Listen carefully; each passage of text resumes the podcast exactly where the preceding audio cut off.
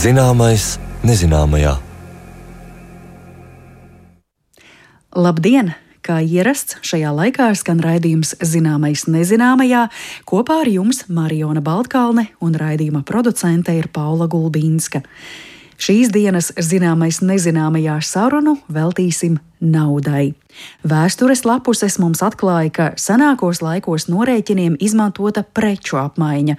Piemēram, es tev dodu jēru, un tu man ko citu pretim bet kādā brīdī šādas lietas samērot kļuvis sarežģīti, un tā nu laika gaitā nostiprinājusies ideja par citu maksāšanas līdzekli - monētām, vēlāk arī banknotēm, un mūsdienās šajā uzskaitījumā vēl varētu klāt nākt arī kriptovalūta. Ir mainījies mūsu dzīvesveids un paradumi, kā vēlamies norēķināties. Daudzi klausītāji atcerēsies krāšņo Latvijas bankas simtgades izstādi vērtību zīmes Latvijas Nacionālajā Mākslas muzejā, kas pat kļuva par trešo apmeklētāko šī muzeja izstādi pēdējo 30 gadu vēsturē. Tātad skaistas monētas ar ceriņu ziedu, barikāžu, dziesmu svētku un citiem simboliem monētu aversā un reversā saista mūsu uzmanību kā mākslas darbi, un tās arī mēdzam dāvināt citiem. Bet vai monētas kartes un kopumā skaidra nauda nākotnē saglabāsies maksājumiem, vai tomēr maksājumu kartes un kriptovalūta pārņems mūsu ikdienu. Stundas otrajā daļā dosimies uz Latvijas banku un uzzināsim precīzāk. Pirms tam jūsu uzmanībai jaunumi zinātnes žurnālu lapusēs. Vairāk nekā virsraksti - zinātnes ziņas.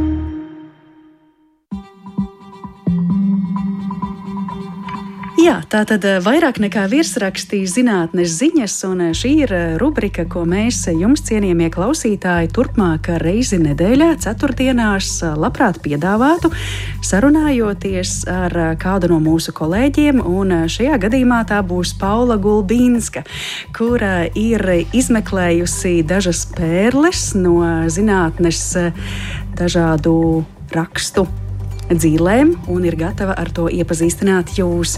Paula, tad eh, stāsti, kas ir iekritis tavās acīs un kur tu esi parakusies vairāk par virsrakstiem? Nu, jāatzīst, viena nedēļa ir ļoti garš nogrieznis, kad runājam par zinātnes jaunumiem, jo ir ārkārtīgi daudz jaunumu. No tiem izsmelt interesantākos nav viegls uzdevums, bet eh, šis tas eh, man ir aizķēries, un to vidū ir jaunumi par Ilona Maska ambiciozo Neuralink projektu, arī par ūdriem Kalifornijas mitrājos, starp citu, ņemot vērā, ka šis ir mitrāja gads arī uh, Latvijā, un pat centieni ar matemātisku pieeju izskaidrot Baha ģenialitāti. Oh, Ilons Masks, šis skandalozais vārds, ko dzirdam nereizi vien, nu ko tad viņš šoreiz ir sastrādājis? Jā, nu viens no viņa ambiciozākajiem plāniem ir uh, smadziņu mikročipa neuralink izstrāde. Par to esam stāstījuši arī šajā raidījumā. Tātad uh, ideja ir izveidot mikročipu, kuru ievietojot smadzenēs, varētu izmantot attālinātai ierīču darbināšanai. Nu, tāda kiborgu ideja, ja tā varētu teikt. Bet uh, aizvadītajā nedēļā Masks pārsteidza visus uh, ar ierakstu vietnē X, paziņojot, ka šāds smadziņu kompjūtera interfejs jau ir ievietots cilvēkā. Nu, protams, ka tas izsauca vētru. No vienas puses visi nepacietīgi gaida tam rezultātus, kā šis eksperiments izvērtīsies, kā tas spēs mērīt uh, smadziņu signālus īstermiņā un arī ilgtermiņā. No otras puses, ir arī sašutums par šo procedūru, jo nav zināms praktiski nekas vairāk par šo vienu vietnes X ierakstu. Nav informācijas ne par to, kur un kā tika veikta šī procedūra, kam tā tika veikta, ne tās mērķis.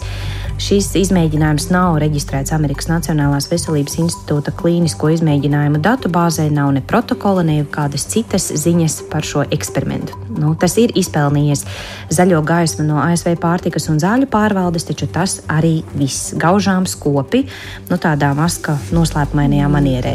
Viss, ko vēlos jums pateikt, būs uh, ierobežotajās uh, zīmēs sociālajā mēdījā X. Es uh, klausoties tavā stāstā atceros, ka tiešām pagājušajā gadā bija ļoti daudz dažādos ārvalstu mēdījos eh, rakstu par eh, šo tematu, par to, kā mēs ar čipiem varētu palīdzēt cilvēkiem, kuriem ir paralīze. Eh, starp citu, viens no spilgtākajiem stāstiem bija par kādu paralīzi paralizētu vīrieti Nīderlandē. Viņš pēc traumas bija zaudējis spēju staigāt, 12 gadus nevarēja staigāt, un tad viņam nāca talkā šveiciešu zinātnieki, liekot eh, lietā tā saucamo digitālo tiltu. Tas nozīmē, ko, ka cilvēks tātad tikai izmantojot savas domas un šo digitālo tiltu, proti mehānismu, kas atjaunotu saikni starp galvas un muguras smadzenēm, atkal varētu staigāt. Nu, te ir vērts atgādināt, ka šajā procesā bija patiešām iesaistīti nu, čipi vai implanti, sauksim to kā gribam. Tur bija implanti gan galvas, gan muguras smadzenēs. Un tiešām iedomājies, tu tikai ar savām domām iedarbini implantu galvas smadzenēs, tas raida šo aktivitāti uz galvas smadzeņu garozu. Nu, tad savukārt galvas smadzeņu garoza savienojas ar to digitālo tiltu, mugursomu un elektrodiem un datoru un iedarbina tavas muguras smadzenes. Tiešām kaut kas unikāls. Līdz ar to varētu teikt, nu, Jā, Ilons Masks laikam nav unikāls ar savu veikumu. Absolūti, nē, Ilons Masks nav pirmais, un jau iepriekš zinātnieki tiešām strādājuši pie šādām mm -hmm. iekārtēm, kas palīdzētu cilvēkiem ar, ar smagām paralīzēm, tātad izmantot uh, datoru, robotisko roku, to visu kustināt, to pašu ratiņkrēslu kustināt ar domas Jā. palīdzību. Nu, vienīgais, kas ir jāpiebilst, neuralīna priekšrocība ir šī bezvadu funkcija. Tātad nebūs nekādu vadu, iekārta nebūs savienota ar vadiem. Nu, jebkurā gadījumā šādas svešķermeņa implanta mikročipa ievietošana nebūtu pilnīgi bez riska. Ārsti tāpat min gan, gan asiņošanu, gan insultu, infekcijas. Nu, kā tas ilgtermiņā strādās, nu, tad atbildi šiem jautājumiem gaidīsim, protams, ar nepacietību. Bet skaidrs ir viens Ilons Masks prot radīt intrigu. Par to tad vairāk var lasīt žurnālā Nature.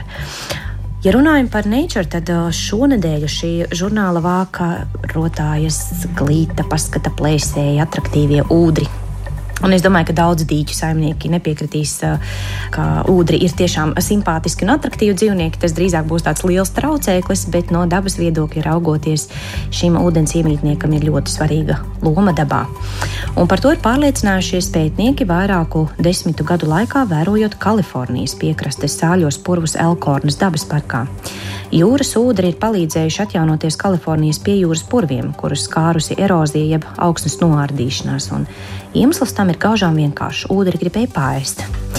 Tie ir ļoti prasmīgi plēsēji, un viņu barība ir vietējie krabi. Šie krabi turpretim rokas smiltīs, un rokoties tātad tie veicina augsnes eroziju. Apēdot krabjus, ūdri nejauši ir pasargājuši šos svarīgos mitrājus, un nu, šis ir tāds kārtējs pierādījums tam, ka vienas sugas dominance vai tieši otrādāk iztrūkums var radīt milzīgas izmaiņas ekosistēmā. Par to var lasīt žurnālā Nature.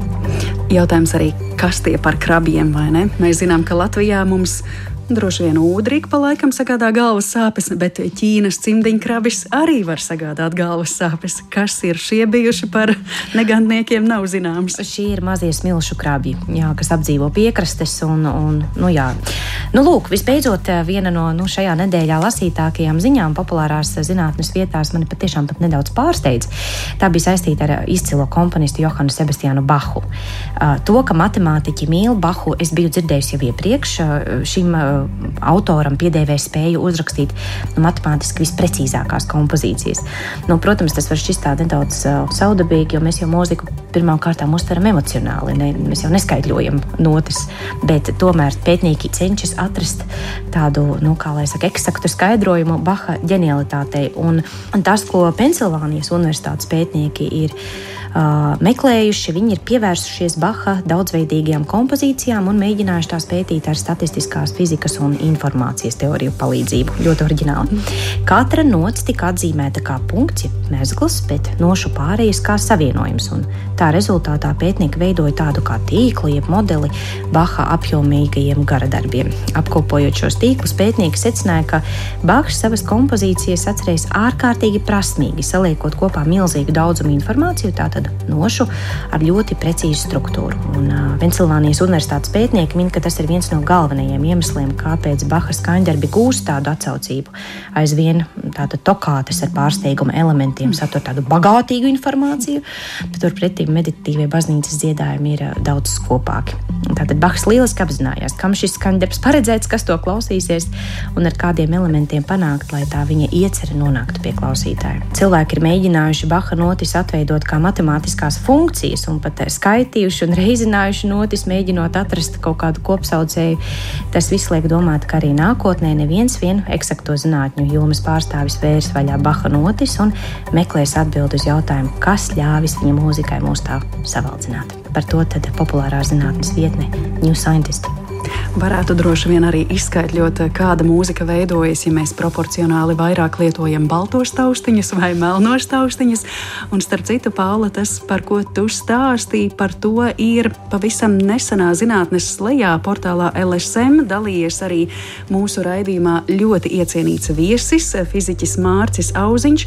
Viņš tieši ir rakstījis par to, vai mūziku var izskaidrot. Un jā, Johana Sebastiāna Baha vārds ienāk arī viņa slēgā.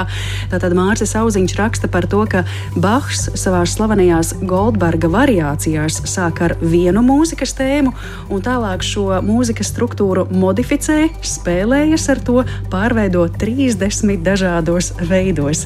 Un uh, interesanti, ka Bahs vispār šķiet nav vienīgais no tiem mūzikas dižgariem, kuri savā uh, radījumā savā radošajā darbībā ir pamanījušies ieslēpt arī matemātiku, varbūt pat numeroloģiju.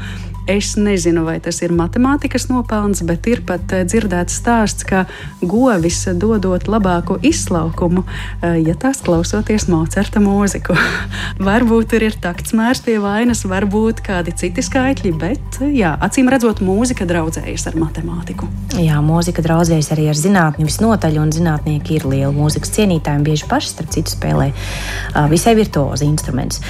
Nu, Es domāju, ka mēs varam noslēgt zinātnes virsrakstu sleju ar Baha mūsdienīgu tādu šī komponista interpretāciju grupas Dagamba izpildījumā. Paldies, tev, Paula! Klausāmies un tiekamies raidījumā pēc brīža.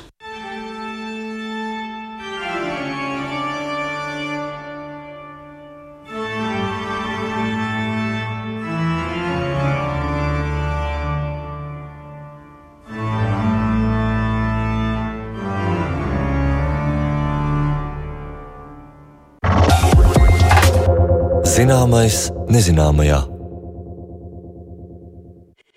Ikdienas maksājumi aizvien biežāk ir digitāli. Nopīkstinām telefonus pie kases, veicam zibmaksājumus un naudas pieprasījumus saziņas tīklos. Nevelti jau aizvadītajā gadā Latvijas banka ziņoja par vienu un divu centu monētu ierobežošanu. Kas notiks ar skaidru naudu nākotnē? Vai pienāks diena, kad visi norēķini būs tikai digitāli?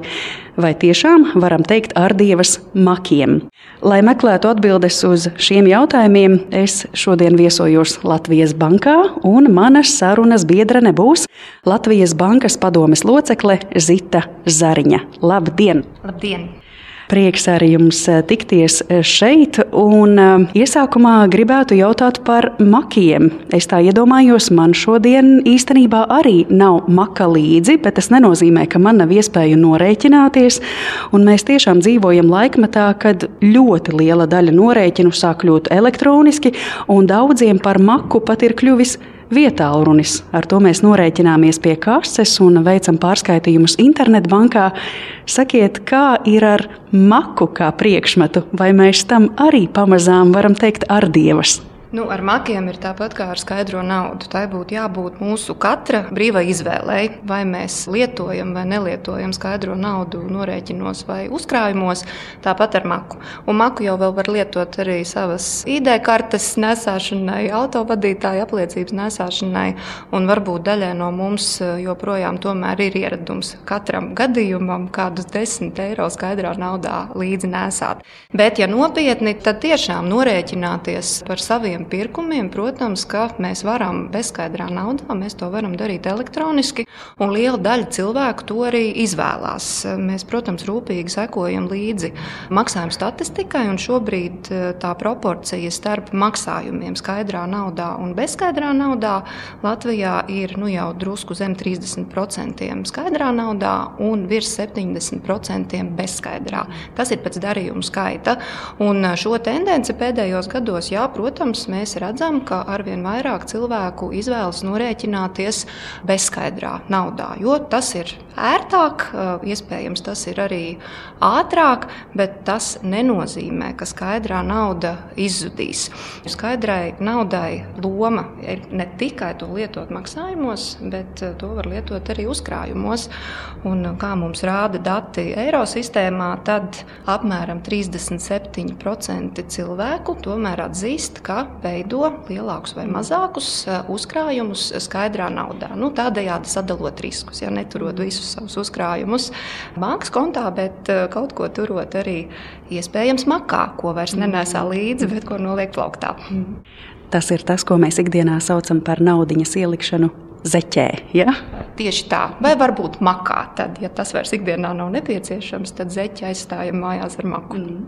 Mēs noteikti vēl atgriezīsimies pie monētām un to, cik tās Latvijā tiek izmantotas, un arī par skaidras naudas priekšrocībām un trūkumiem. Bet, ja mēs paraugāmies tagad plašāk gan uz Latviju, gan vispār pasauli, vai šī tendence, ka mums samazinās skaidras naudas izmantošana un palielinās bezskaidras naudas darījumi, vai var teikt, ka tā ir tāda rietumu pasaules tendence un citās pasaules vietās? nu, tomēr tās skaidras naudas izmantošana vēl turās un turēsies pamatīgi. Nu, vispirms runājot par Eiropu, ja par eiro sistēmu, tātad valstīm, kur tiek lietots eiro, jāsaka, ka tā situācija ir diezgan dažāda. Mēs ar saviem paradumiem mazliet mazāk mīlam skaidro naudu nekā eiro sistēma vidēji, kas nozīmē, ka lielāka daļa valstu ir tādas, kur skaidrā nauda tiek izmantota vairāk nekā tiek izmantota Latvijā. Tātad šis diapazons starp valstīm, kas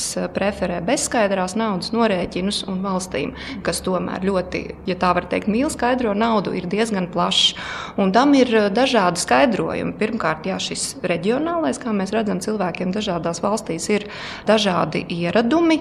Šie ieradumi atšķirās vecuma grupām, atšķirās cilvēkiem ar dažādiem izglītības līmeņiem un atšķirās cilvēkiem ar dažādiem ienākumu līmeņiem. Ir diezgan daudz to kritēriju, kuri nosaka to, kā mēs izturamies pret eh, skaidru naudu. Un tā var būt pilnīgi personiska izvēle. Skaidrā nauda mums, atšķirībā no bezskaidriem norēķiniem, dod zināmu privātumu. Un cilvēki privātumu vērtē ļoti augstu. Tas nenozīmē, ka viņi grib noslēpt uh, savus darījumus un nodokļu nemaksāšanas, protams, nē, bet saglabāt privātumu atsevišķiem saviem darījumiem, veicot tos skaidrā naudā. Cilvēki to vēlas. Un kas ir nu, tāda, neteiksim, pretruna, bet mēs redzam cilvēku faktiskajā uzvedībā, ka cilvēki arvien vairāk izmanto bezskaidrus naudas norēķinus, bet aptaujās, kad viņiem jautā, vai skaidrā nauda ir svarīga, absolūti lielais vairākums un ar ļoti noturīgu tendenci saka, jā, skaidrai naudai ir jāpaliek. Un tad mēs, kā centrālā banka, tas ir mūsu uzdevums nodrošināt skaidro naudu, cik ilgi vien iedzīvotājs skaidro naudu gribēs lietot. Un mēs paredzam, ka skaidrā nauda, jā, apjomos iespējams samazināsies līdz kādam kritiskam līmenim, bet skaidrā nauda neizzudīs. Man pašai ir arī bijuši interesanti vērojumi par to, cik vienā vai otrā pilsētā vai valstī Eiropā lieto skaidru vai bezskaidru naudu, un tiešām tas ir tik individuāli.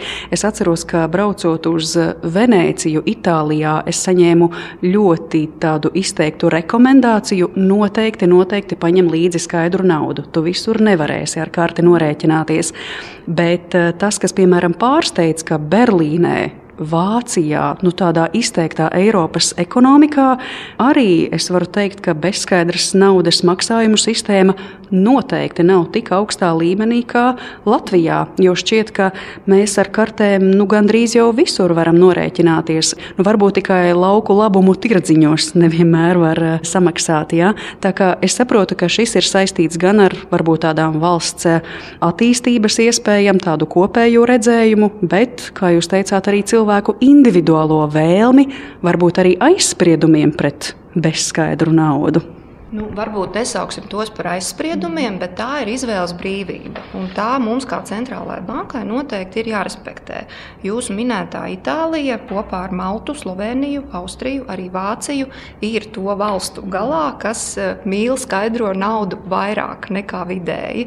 Savukārt, nu, tai otrā galā, kas virzās jau vairāk uz bezskaidras naudas norēķiniem, piemēram, Somija, Nīderlande, Luksemburga, arī Beļģija. Tā kā es teicu, tas diapazons ir diezgan plašs, un mēs esam tuvu pie vidiņa. Tas, kā maksājumi notiek, ir atkarīgs, protams, ne tikai no tā, ko es kā pircējs izvēlos, bet arī ko tirgotājs, pārdevējs man piedāvā, kādas šīs maksājuma iespējas.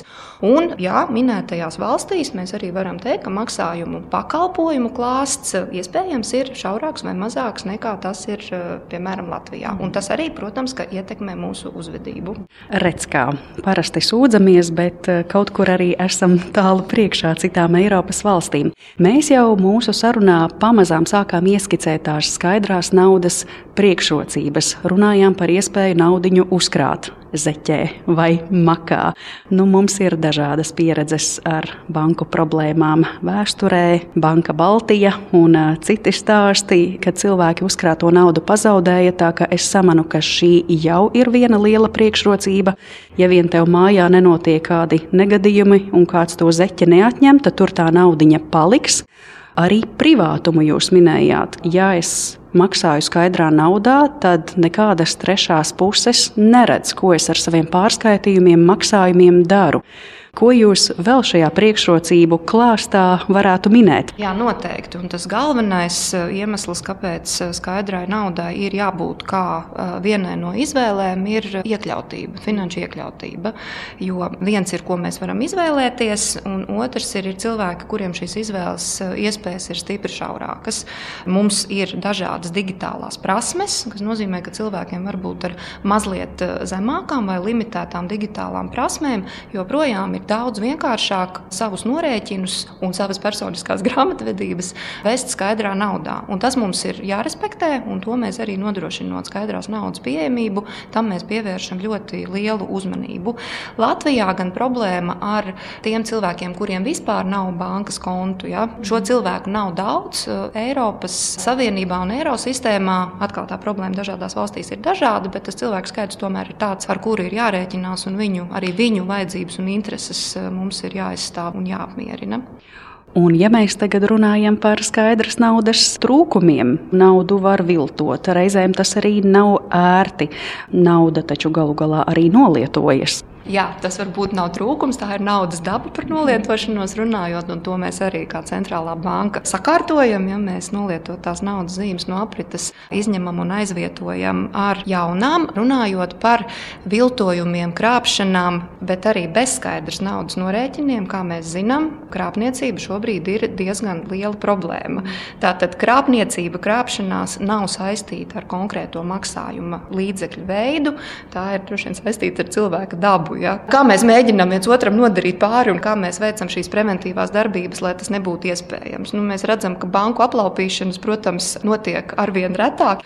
Pēdējos gados Eiropā vispār nav gadījumu, kur skaidrā nauda no bankām tiktu nolaupīta, bet savukārt mēs redzam, ka kontu aplaupīšana ja, notiek nu, arvien ar, ar pieaugušu tendenci. Tur gan bankām, gan mums ir jādomā, kā novērst eh, šos negadījumus. Tā kā nevar teikt, ka viens no maksāšanas līdzekļiem noteikti ir drošāks nekā nekā otrs. Katram ir savi plusi un ir uh, savi trūkumi. Mm -hmm. Vēl pie skaidrās naudas plusiem, piemēram, šādās uh, situācijās, kad ir iespējama valstī kāda krīze. Mēs zinām arī politiskās situācijas dēļ, ko mēs arī esam iedzīvotājiem ieteikuši, turēt makā nelielus skaidrās naudas uzkrājumus gadījumiem, ja šī krīze iestājas, ja piemēram uz kādu neilgu brīdi nav pieejams internets vai nav pieejama uh, elektrība, tad mēs šos savus darījumus uz īsu brīdi varam kārtot arī ar skaidro naudu. Mm. Te droši vien cilvēki, kuriem varbūt vispār tādas jaunākās tehnoloģijas nav mīlama lieta, viņi teiks, jā, un karte vienmēr ir sasaistīta ar internetu. Interneta nebūs, samaksāt es nevarēšu. Nu, tāda liela ķēpa. Varbūt tik nedroši tas nav, ja finanšu sektors mums tomēr ir eh, jāatzīst mūsu reģionā attīstīts un finanšu pakalpojumus mēs saņemam diezgan kvalitatīvus, bet, protams, tas arī ir atkarīgs kā mēs katrs izturamies pret risku. Un, ja mēs gribam būt nodrošinājušies pret jebkuru gadījumu, tas ir tikai normāli, ka mēs turam arī nelielas skaidrās naudas rezerves. Sakiet, vai bieži no patērētājiem ir iebildumi, sūdzības, ka, lūk, maksājot ar bezskaidru naudu, mūs kāds izseko, mūs kāds novēro. Mēs arī mūsu raidījumā esam veidojuši stāstus par digitālo pēdu, ko mēs daudz kur atstājam, izmantojot dažādas atlaižu kartes un droši vien arī maksājumu kartes. Un varbūt šis arī var būt reizēm kā arguments no patērētāju puses visas kartes nost, atgriežamies tikai pie skaidrās naudas, jo mani kāds vēro, redz, kam es maksāju, kam es esmu samaksājis nodokļus. Es negribu, lai to kāds zina un redz. Varbūt nodokļu maksāšanu liksim atsevišķā kastītē, jo nodokļi ir jāmaksā. Ja? Bet par izsakošanu nu, varbūt ne tik dramatiski, bet to, ka mēs atstājam šo digitālo pēdu un to, ka šie dati par mums, protams, tiek tālāk izmantoti, lai sniegtu mums labākus pakalpojumus un pakalpojumu sniedzējiem būtu iespēja nopelnīt. Protams, ka tas tā ir. Mums ir datu aizsardzības normatīvi un noteikumi valstī, kas ir jāievēro, tie tiek ievēroti, bet pilnīgi noteikti digitālo pēdu mēs atstājam. Nevajag domāt, ka tas ir izsekošanas pēc, bet tas, ka tie mūsu dati, kā jau teicu, tiek izmantoti nu, jā, labāku pakalpojumu nodrošināšanai, jaunu pakalpojumu nodrošināšanai, tas tā ir, tas ir fakts. -hmm. Jūs arī savā stāstā jau pieskārāties tam, ka skaidra nauda nekur nepazudīs. Tātad mēs varam teikt, ka krājkasītes, makī, kases aparāti, bankomāti, vienalga vienā vai otrā formātā kaut kas no tā saglabāsies, nu vismaz tuvākās desmitgades noteikti. Ja?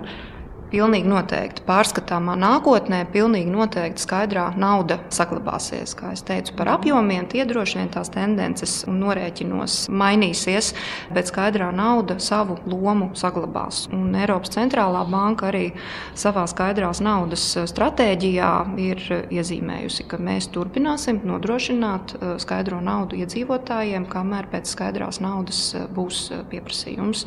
Mēs arī Latvijā ar lielākajām bankām strādājam pie tā, lai bankomātu tīkls būtiski nesaruktu, lai cilvēkiem šī iespēja izņemt skaidro naudu būtu pietiekamā attālumā, lai cilvēkiem ir iespēja pie savas naudas tikt arī skaidrās naudas formā. Nu jā, un atcerēsimies vēl to argumentu, ko jūs jau minējāt par sociāli mazaizsargātākām grupām vai vienkārši cilvēkiem, kuriem nav tādas digitālās prasmes, viņiem šī skaidrā nauda būs nepieciešama. Bet, ja atgriežamies pie Latvijas, tad jau pagājušajā gadā bija ziņa no Latvijas bankas, ka viena un divu centu monētas nav visai vērtīgas, un turklāt mēs tās visai bieži arī pazaudējam. Kādi tad ir nākotnes plāni attiecībā uz šīm mazajām monētām? Vai tās mēs, pat ja mums paliek skaidra nauda, vai mēs šīs mazās monētas ņemsim ārā no apgrozības? Mēs nevaram viņas izņemt ārā no apgrozības tikai Latvijā. Tas, ko mēs varam darīt, ir uh, apaļot uh, rēķinus. Tā bija arī tas mūsu priekšlikums, ko mēs kā Latvijas banka izstrādājām. Mēs joprojām ticam, ka viens un divi centu uh, monētas apgrozībā nu, teiksim, tā rada vairāk problēmu un vairāk izdevumu, arī sociālu izdevumu, nekā tās ir vērtīgas. Tās gan uz vidi atstāja negatīvu ietekmi, tām nav tāda pozitīvā pienesuma mūsu darījumos, jo tas nomināls ir tik neliels. Bet, lai šo ideju īstenotu, nu, tur ir jāstrādā kopā vairākām grupām. Ja, finanšu ministrijai, valsts ieņēmuma dienestam, un mums, un arī tirgotājiem. Un, diemžēl tā problēma, ko mēs esam identificējuši tieši Latvijā, ir kases kases aparātu vai kases aparātu sistēmu pielāgošana.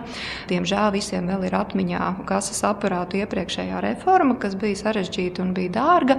Un, nu, šīs kases reformas atskaņās mēs sastopamies ar diezgan lielu un, jāsaka, arī pamatotu pretestību no mūsu sadarbības partneriem par šo rēķinu apaļošanu, šīs apaļošanas ieviešanu tuvākā laikā. Mēs turpinām strādāt, mēs joprojām ceram, ka tas ir izdarāms, īpaši ņemot vērā, ka mūsu kaimiņi, Igauni un Lietuvieši, ir atraduši risinājumus, kā to darīt. Igaunijā, cik man ir zināms, pagājušā nedēļā likuma grozījumi jau tika izsludināti publiskai apspriešanai. Redzēsim, kā Igauniem ar šo veiksies. Nu, tas būtu dīvaini, ja mūsu kaimiņi to var izdarīt, un mēs Latvijā nevaram. Par cenu apaļošanu tad es saprotu, tā mums prece maksā piemēram 6 eiro un 47 centi. Šīs cenas, kas daudziem liekas dīvainas un kaut kas tur jāskaita, tad, ja mēs apaļojam, attiecīgi tas sanāktu vai nu uz leju vai uz augšu. Ko ir svarīgi uzsvērt, nevis cenu apaļošana, bet gala summas apaļošana. Tātad par visu grozu, ko mēs pērkam, tas nav uz cenām, tas ir uz gala summu. Mēs arī esam modelējuši, tas būs tieši uz pusēm kad mums ies šī gala summa par pāris centiem uz augšu un kad uz leju. Tā kā tam nebūtu jābūt ar pozitīvu vai negatīvu ietekmi uz mūsu maciņiem, tā ietekmei ir jābūt neitrālai. Bet tas, protams, atvieglo. Tas ir ātrāki norēķini pie kases. Mums nav jānēsā līdzi šīs mazās kapeikas. Mums kā bankai un naudas apstrādātājiem nav jāapstrādā mazie nomināli, un mēs tos nepazaudējam, kā tas notiek tagad, ja mēs milzīgas summas katru gadu kā iedzīvotāji vienkārši pazaudējam, tās nonāk kaut kur vidē. Izmetam uz trūkla, kā uz labu laimi. Bet eh, tad sanāk tā, ka prece joprojām var maksāt piemēram 6,47 eiro, bet eh, liekot šo preci kopā ar vēl otru, trešo, piekto, tad tikai tā gala summa tiek nopaļota. Ja? Mm. Bet eh, sakiet, kā tā kases aparātu reforma jums šobrīd neļauj īstenot to mērķi, ko jūs vēlētos? Nevis, ka neļauj, bet lai mēs šo funkciju iestrādātu kases aparātos, lai mēs katrs sevi arī kases čekā redzētu, kā nopaļošana ir notikusi, lai mēs skaidri varam izsekot līdzi. Šī funkcija kases aparātos ir jāiestrādā, un tas ir jāizdara visos kases aparātos. Un šis process ir laikietilpīgs, un tam ir arī zināmas izmaksas. Un šīs izmaksas būtu jāsadz tirgotājiem, kuriem, protams, ir eh, pret šo racionāli iebildumi. Vai būtu arī kādi gadījumi, kad eh, tā gala summa ir ar to neapaļo skaitli un cena tiek tomēr pacelta uz augšu. Un vai šādos gadījumos nevarētu arī rasties sabiedrības iebildumi, ka man taču bija jāmaksā mazāk, bet kāpēc man tagad ir tomēr tie centi pacelti uz augšu gala summai pirkuma? Bet vienai gala summai summa būs uz augšu, un otrā reizē iepērkoties tā summa būs uz leju. Mhm. Un, eh, protams, ka katrā mikrosituācijā kaut kāda iebilduma varētu rasties, un tas, es pieņemu, būtu gadījumos, kur cilvēkiem netiek pienācīgi izskaidrots, kas notiek. Kas būtu arī mūsu kā Latvijas bankas uzdevums, kad mēs līdz šim tiekam arī skaidrot sabiedrībai, kāpēc mēs to darām un kā tieši tas atspoguļosies eh, gan čekos, gan cilvēku maciņos. Bet um, iedzīvotāju aptaujās, ko mēs arī regulāri veicam, nu, iedzīvotāji tomēr ir drusku lielāki lielākā puse nu, jau diezgan konstanti saka, ka mazajiem nomināliem nav liels pievienotās vērtības un cilvēki būtu gatavi atteikties. Un kas arī interesanti, ja mēs runājam par uh, vecāka gadagājuma cilvēkiem, kur mēs it kā pieņemtu intuitīvi, ka viņi varētu būt tie, kas iebilst. Nē, kā reiz vecāki iedzīvotāji saka, mēs nevaram saskatīt mazos nominālus, mums ir grūti ar maziem nomināliem. Tā, kā, tā ir arī grupa, kura atbalsta, ka no šiem mazajiem nomināliem mēs varētu atteikties. Tas, ko jūs minējāt, par eh, resursiem, eh, ka resursi tiek patērēti mazo nominālu saistībā. Viens ir ražošana, droši vien, lai radītu mazās monētas, tam vajag resursus.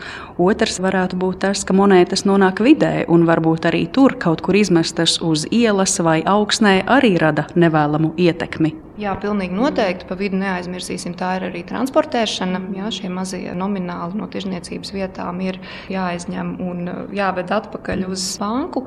Ražošana, protams, un uh, mazo nominālu ražošana, katra mazā centa ražošana patiesībā ir dārgāka nekā šī centa vērtība. Arī tas ir jāpaturprātā. Vēl ir arī piedzīvota situācija, atkal, ja es atgriežos pie stāsta par ceļojumiem, ka teorētiski šajā valūtā, nu tas nav Eiropas Savienībā, bet varbūt citā valstī, teorētiski ir monētas ar vērtību viens vai divi, bet ar tām vispār neko nevar izdarīt. Labākajā gadījumā monēta ar vērtību pieci var kalpot kā mazākā vienība norēķinos. Tad es domāju, kāda jēga vispār citās valstīs, kur ir citas valūtas, šādām monētām ar vērtību viens, divi. Bet mēs jau Latvijā esam tieši tajā pašā situācijā. Vai jūs varat nosaukt preci, kas maksā vienu vai divus centus? Nevaru gan, bet man liekas, ka centam tomēr tā vērtība ir lielāka, vai savulaik vienam santīmam vērtība bija lielāka nekā citā valstī ar citu valūtu, kur nu, tā monēta vispār ir nekas. Bet mēs esam nonākuši tajā pašā situācijā, kur par vienu vai diviem centiem mēs nevaram iegādāties preci. Tātad viens pats cents vai divi centi ir bezvērtīgi. Mēs nevaram nepieminēt eh, kriptovalūtas, un eh, vai var arī prognozēt, ka pieaugs eh, kriptovalūtas lietojums, it īpaši, ja vienlaikus pieaug arī vispār bezskaidras naudas darījumi. Es pirmkārt eh, precizēšu, mēs vismaz eh, centrālā bankā sakām nevis kriptovalūtas, bet kriptoaktīvi, lai ļoti skaidri norādītu, ka šī ir nevis nauda klasiskā izpratnē, bet tie ir aktīvi, kuriem ir ļoti mainīga vērtība. Ar kriptoaktīviem mēs zinām, ka cilvēki nodarbojas, lai gan tas ir eh, joprojām ļoti neliels skaits Eirozonā ir apmēram 8%, un man liekas, ka Latvijā stipri līdzīgi. Tas ir tas iedzīvotāju skaits, tā iedzīvotāju daļa, kas ir iegādājusies vai operē ar eh, kriptoaktīviem. Tā tad diezgan neliela. Kā jau es teicu, vērtība ir ļoti mainīga, un risks, ko iedzīvotājs uzņemās operējot ar uh, kriptoaktīviem, ir nu, atkarībā no summām, bet varbūt arī liels. Tātad uh, ar kriptoaktīviem vajadzētu nodarboties cilvēkiem, kas saprot, ko tas nozīmē un kas ir gatavi uzņemties risku. Norēķini ar eh, kriptoaktīviem ir joprojām diezgan reta parādība. Tas ir tieši tāpēc, ka šī vērtība vienu dienu tā ir tāda, otru dienu tā var būt pilnīgi cita. Mēs šobrīd neredzam, ka kriptoaktīvi norēķinos varētu aizstāt skaidro naudu. Nu, noteikti nē.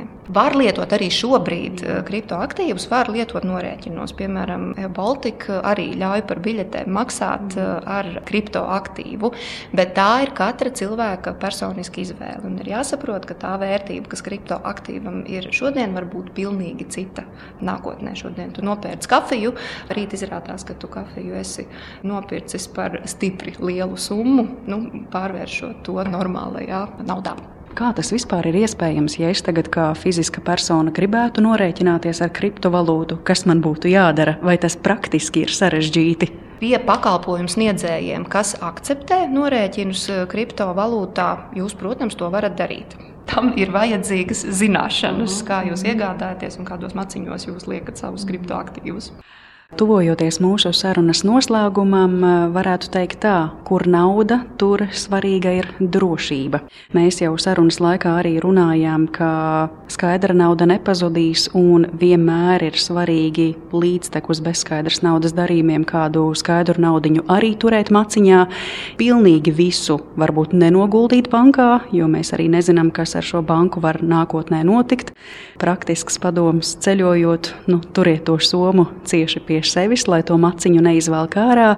Zita, varbūt jums vēl kā no bankas profesionāļa ikdienas ir vēl kāds praktisks ieteikums cilvēkiem, kā rūpēties par savu drošību, veicot jebkādus maksājumus, skaidrus, bezskaidrus. Es varbūt tad uzreiz teiktu, nevajag baidīties turēt naudu bankās. Mums tomēr banku sistēma ir eh, diezgan droša un tiek eh, uzraudzīta, bet nelielus uzkrājumus katram gadījumam skaidrā naudā, protams, un tas atkal ir mūsu katra personiskam eh, komfortam. Ja? Tātad sadalīt riskus. Drošība ir saistīta ar mūsu pašu uzmanību. Vienmēr veicot darījumus, tie ir bezskaidrs naudas darījumi vai pārskaitījumi, noteikti pārliecinamies, ka mēs to darām pareizajās vietnēs, pārbaudām, ka tā ir tiešām mūsu banka un tiešām cilvēki, ko mēs pazīstam, kam mēs veicam šos pārskaitījumus, pārbaudām, lai mēs autentificējamies korekti. Tas nozīmē, paši esam uzmanīgi. Ja mums rodas aizdomas par kādu darījumu vai kādu pieprasījumu pārtraucam, sazinamies ar savu banku, labāk divreiz nomērīt, ja, un vienreiz griezt. Un par skaidro naudu tas droši vien ir vienkāršāk. Banknotes mēs pazīstam, nu arī lieku reizi, sevišķi lielāku nominālu banknoti saņemot, nu, paskatāmies viņu no abām pusēm.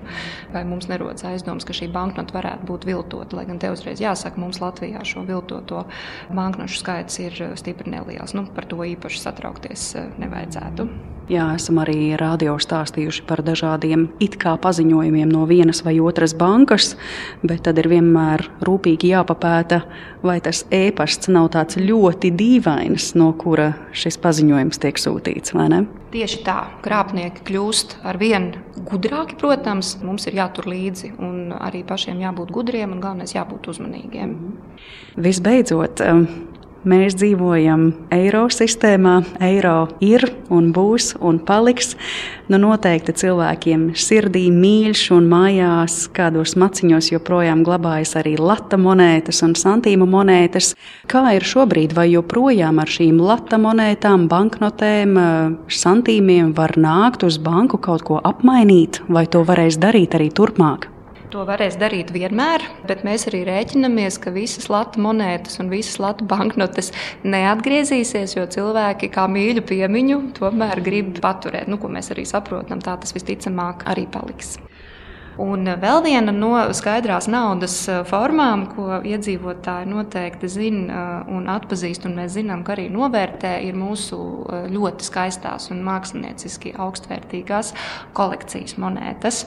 Un es varbūt vērsīšu uzmanību, ka viena īpaša monēta, ko mēs emitējām 22. gadā, ir Ukrainas brīvībai veltīta sudraba kolekcijas monēta, kura joprojām ir pieejama pārdošanā e-monētās un vērš uzmanību uzmanību, ka ienākumi no šīs monētas pārdošanas tiek eh, nodoti, tiek eh, ziedoti Ukrainai. Tā kā aicinu visus ieskatīties e-monētās un eh, atbalstot Ukrainu, iegādāties Ukrainas brīvības monētu. Mm. E-monētas ir vietne, kur regulāri var iepazīties ar dažādām jubilejas monētām. Nu, lūk, klausītāji, skaidra un bezskaidra nauda būs. Izvēlieties paši, kas jums tajā brīdī ir ērtāks un pieejamāks. Nelieciet visu uz vienas kārtas. Tas, laikam, ir ieteikums, ko mēs noteikti varam dot šī raidījuma noslēgumā. Es saku lielu paldies Latvijas Bankas padomes loceklei Zitai Zariņai. Paldies jums, Zita! Paldies! Paldies arī jums, klausītāji! Mūsu raidījums šodien izskan, un to veidoja Paula Gulbīnska, Girts Bišs, Mariona Baltkalne. Uz sadzirdēšanos atkal nākamajā raidījumā. Visu labu!